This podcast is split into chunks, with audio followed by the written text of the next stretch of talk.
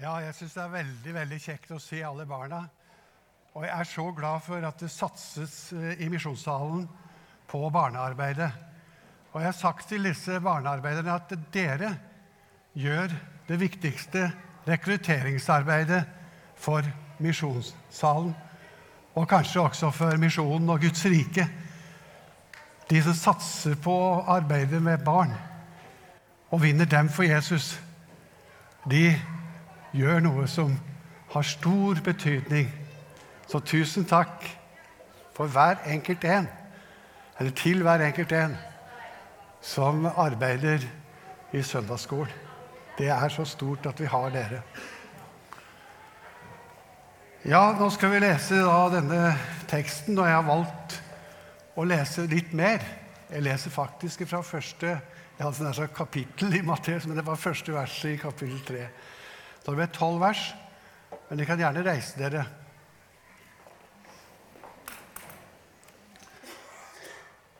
På den tiden sto døperen Johannes fram i ødemarken i Judea og forkynte. Vend om, for himmelriket er kommet nær. Det er om ham det er sagt ved profeten Jesaja. En røst roper i ødemarken, rydd Herrens vei, gjør hans stier rette. Johannes hadde en kappe av kammelhår og et lærbelte om livet, og maten hans var gresshopper og villhogning. Folk dro til ham fra Jerusalem og hele Judea og landet omkring Jordan. De bekjente syndene sine og ble døpt av ham i Jordanelven. Men da han så at mange av fariseerne og sadukerene kom for å bli døpt, sa han til dem, ormeyngel, hvem har lært dere hvordan dere skal slippe unna vreden som kan, skal komme? Bær da frukt som svarer til omvendelsen. Og tro ikke at dere kan si til dere selv, vi har Abraham til far. For jeg sier dere, Gud kan reise opp barn for Abraham av disse steinene. Øksen ligger allerede ved roten av trærne. Hvert tre på meg som ikke bærer frukt, eller god frykt, blir hogget ned og kastet på ilden. Jeg døper dere med vann til omvendelse, men han som kommer etter meg, er sterkere enn jeg, og jeg er ikke verdig til å ta av ham sandalene. Han skal døpe dere med Den hellige ånd og ild. Han har kasteskovlen i hånden og skal rense kornet på treskeplassen. Hveten skal han samle i låven, men agnene skal han brenne opp med en ild som aldri slukner. Slik lyder Guds ord. Vær så god, sitt. Teksten i denne søndagen handler om et skille. Et stort skille. Og det er Johannes døperen som eh, også er en som står midt i et slags skille. Han er eh, representant også for den, den gamle pakt og står midt imellom den gamle og nye pakt. En overgang til noe nytt. Men det han forkynte, og måten han var på, det er også med på å sette et skille. Johannes han var klar i sin forkynnelse. Han utfordret sterkt sine tilhørere. Og kanskje både gjennom det han sa, og på måten han levde. Men mest med sin forkynnelse. Han utfordret dem. Han levde av gresshopper og vill honning. Han var kledd i en kappe av kamelhår. Vi kan nesten se ham for vårt indre øye. Da han står ved elven Jordan og døper folk. De kommer til ham. De kjenner syndene sine. De vil bli renset. Det er litt som å starte på nytt. Og som en symbolsk handling blir de altså døpt der i elven Jordan. Vi kan si at for dem så ble det nærmest et vannskille. Men det var noen der, fariseere og sadekere, som også ville bli døpt. De tenkte at det kan jo ikke skade med en sånn eh, forsikring. slik eh, dåpen kanskje kunne gi dem. Men da er det Johannes forkynner med sterke ord. Dere er ormeyngel, altså slangebarn. Bær da frukt som er omvendelsen verdig.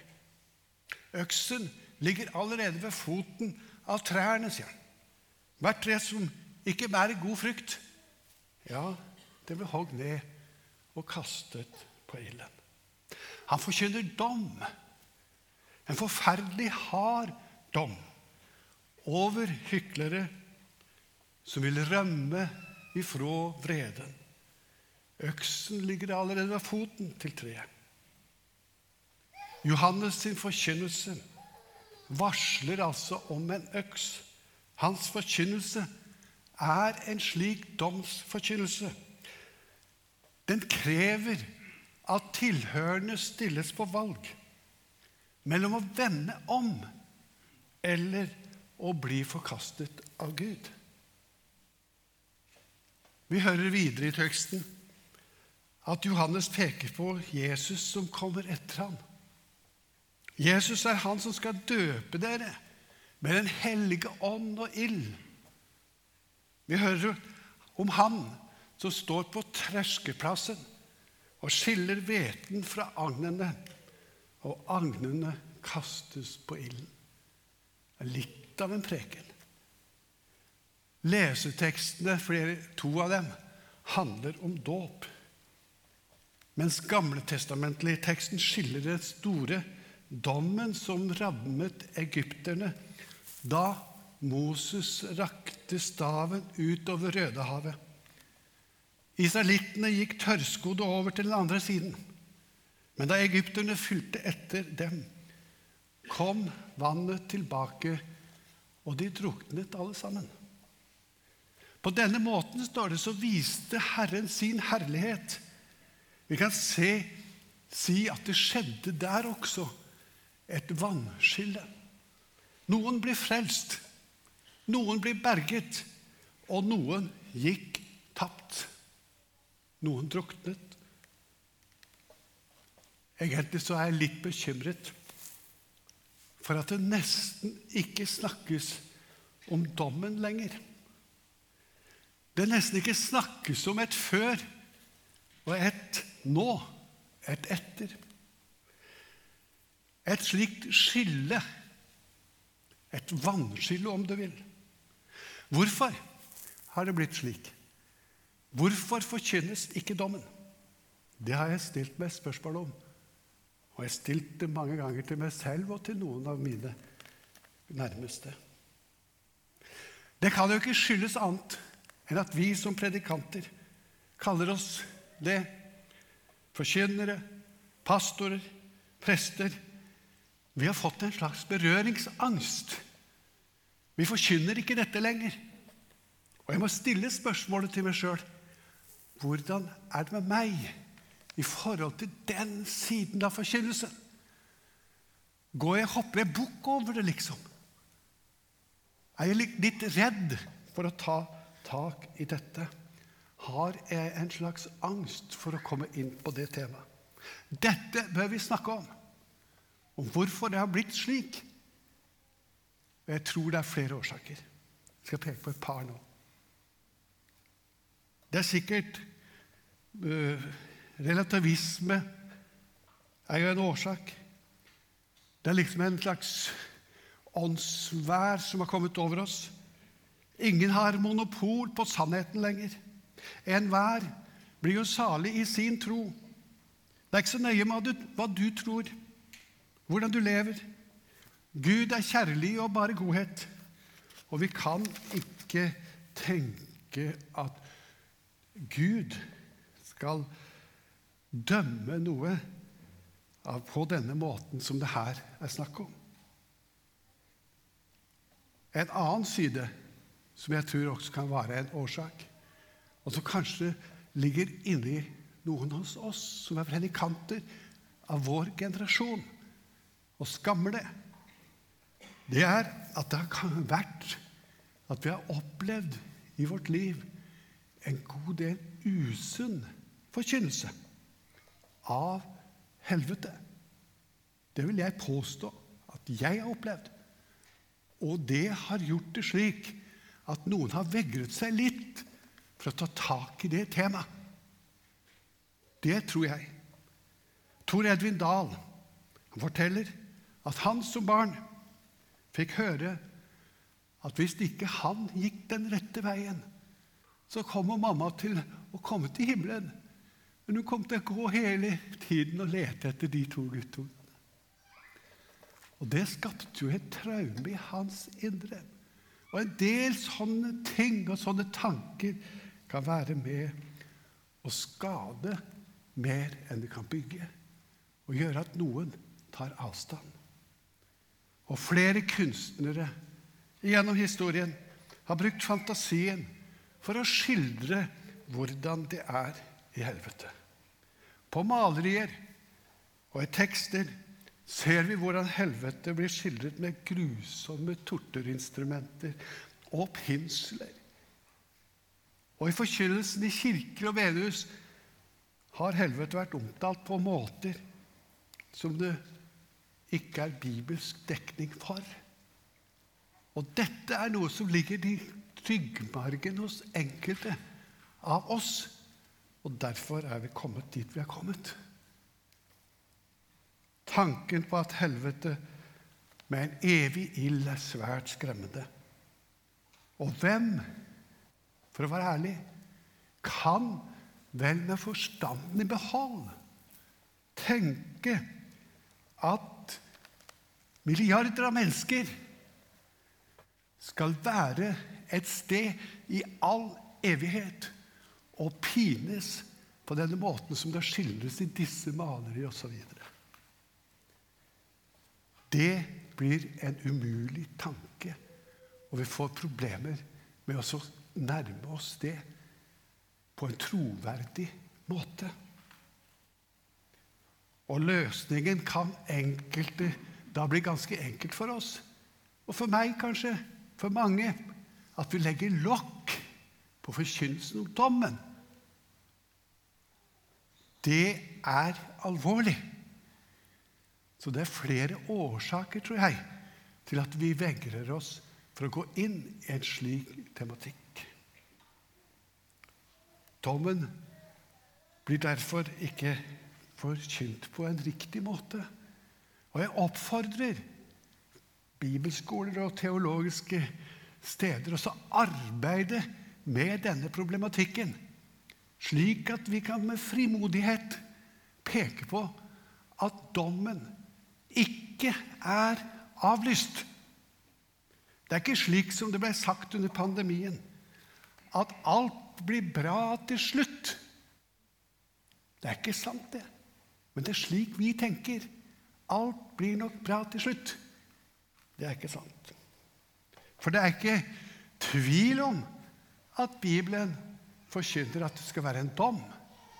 Og dommen skal komme. Dommen skal vise Guds rettferdighet og Guds herlighet. Og bekjennelsen har vi det også med. Der sier vi i den andre trosartikkel Jesus Kristus skal komme igjen for å dømme levende og døde. La meg også i denne sammenheng få nevne at dersom vi begynner å tenke at dommen er avlyst, står vi overfor en moralsk utfordring. Det gjør vi virkelig. Er det egentlig rettferdig at det ikke finnes noen dom? Er det slik at den som er skyldig i drap, i voldtekter, i overgrep osv., ikke skal stilles til rette? Er det rettferdig? Er det slik at krigsforbryterne bare skal få leve sine gode dager, eller glade dager? Da er det vi begynner å rope etter dom. Vår, vår moral roper etter en dom over slik urett. Men kanskje bør vi tenke litt igjennom hvordan Guds dom forkynnes. Hvordan vi snakker om det, du og jeg. Når Gud dømmer, med sin målestokk, slik vi finner den i Bibelen, blir ikke dommen bare en dom over andre. Det blir ikke bare en dom over de og det de andre gjør. Vi må stille oss spørsmål, og vi tvinges på en måte det hvis vi leser Guds ord. Hva med meg og mitt liv? Hva med oss selv? Guds dom rammer det dypeste, det innerste i oss. I tankene våre, i ordene våre, i følelser osv. I gjerninger. Vi kjenner den onde lyst, sier vi, i vårt hjerte. Og det er sant. Det kan iallfall jeg si meg helt enig i.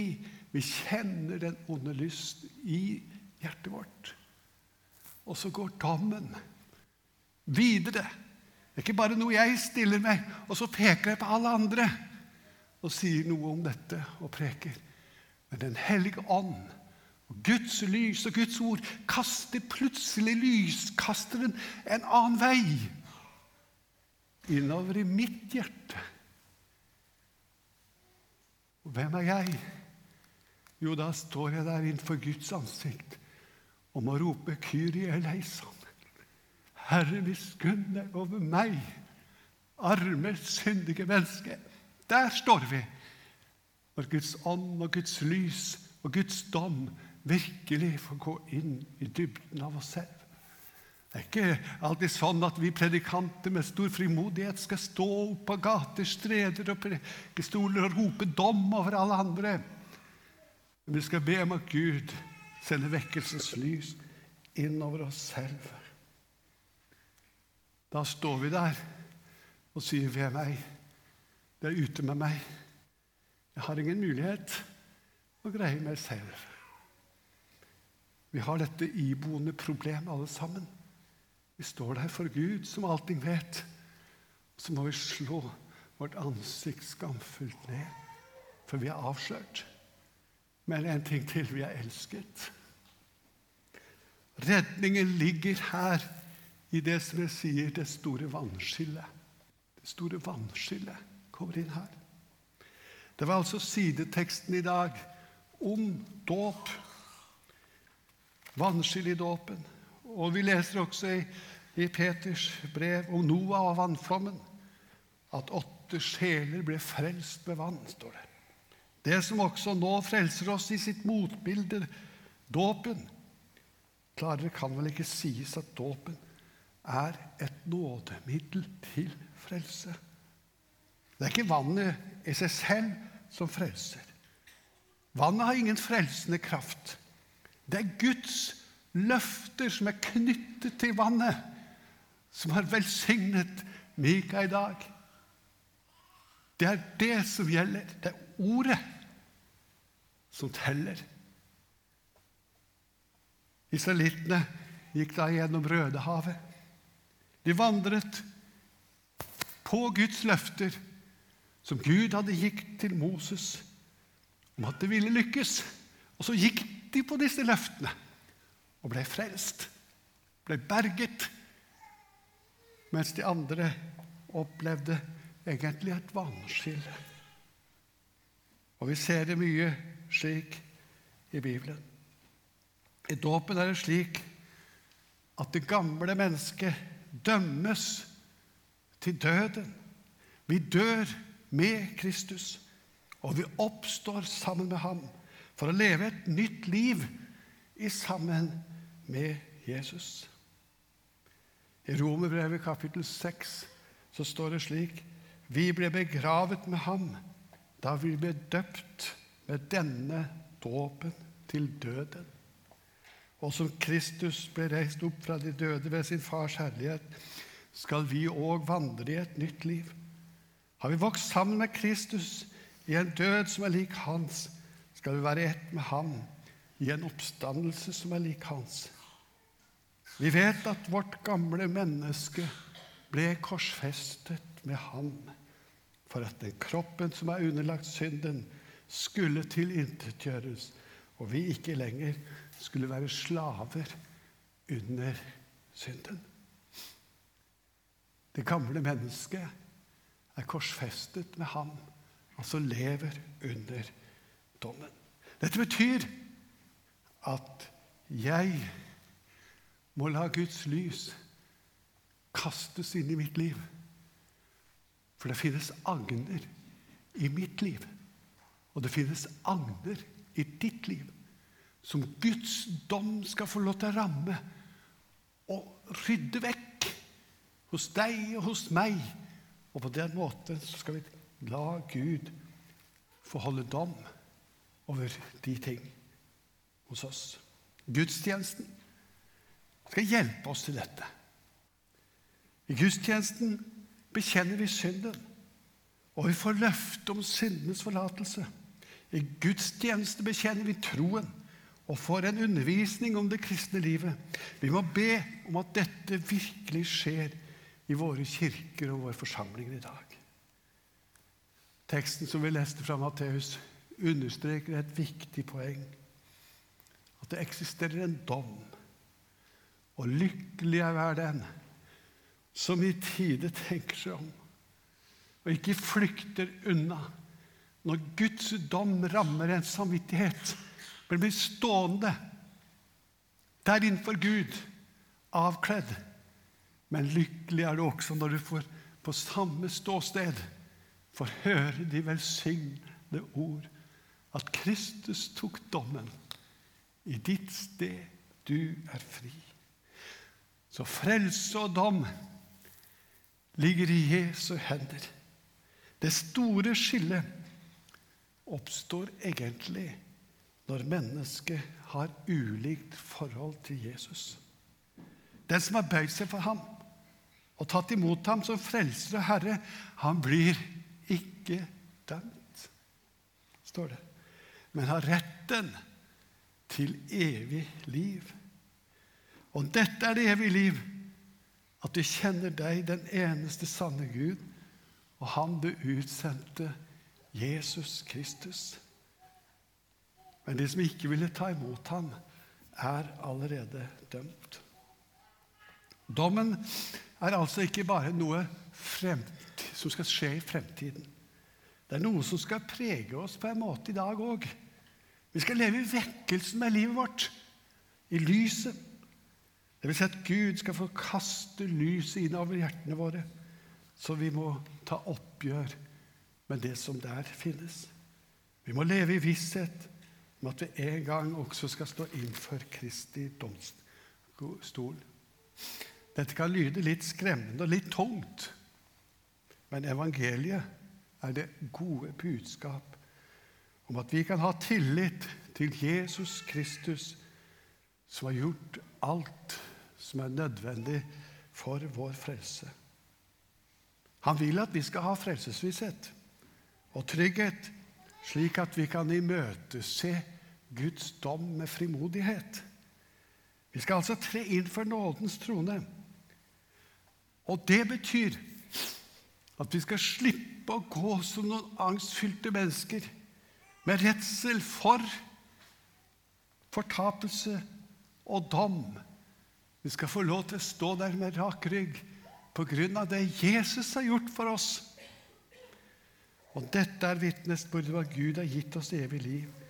Og dette livet er i Hans Sønn. Den som er Sønnen, har livet. Den som ikke har Guds sønn, har ikke livet.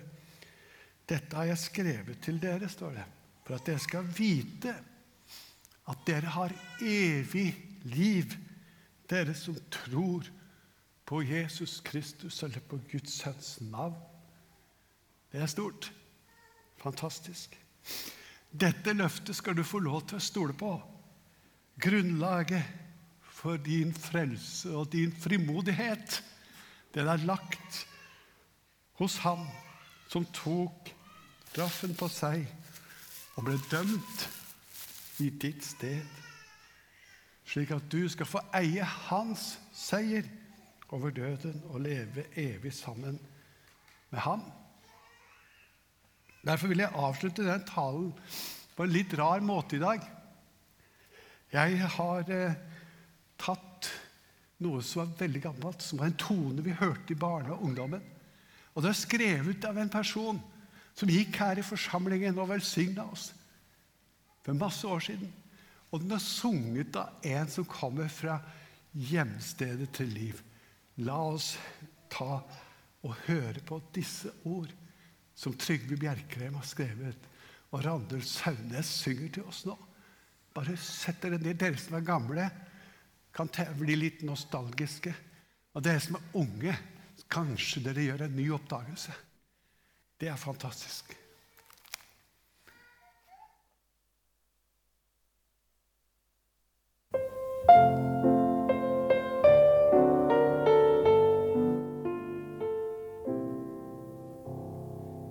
Strøymer ei livselv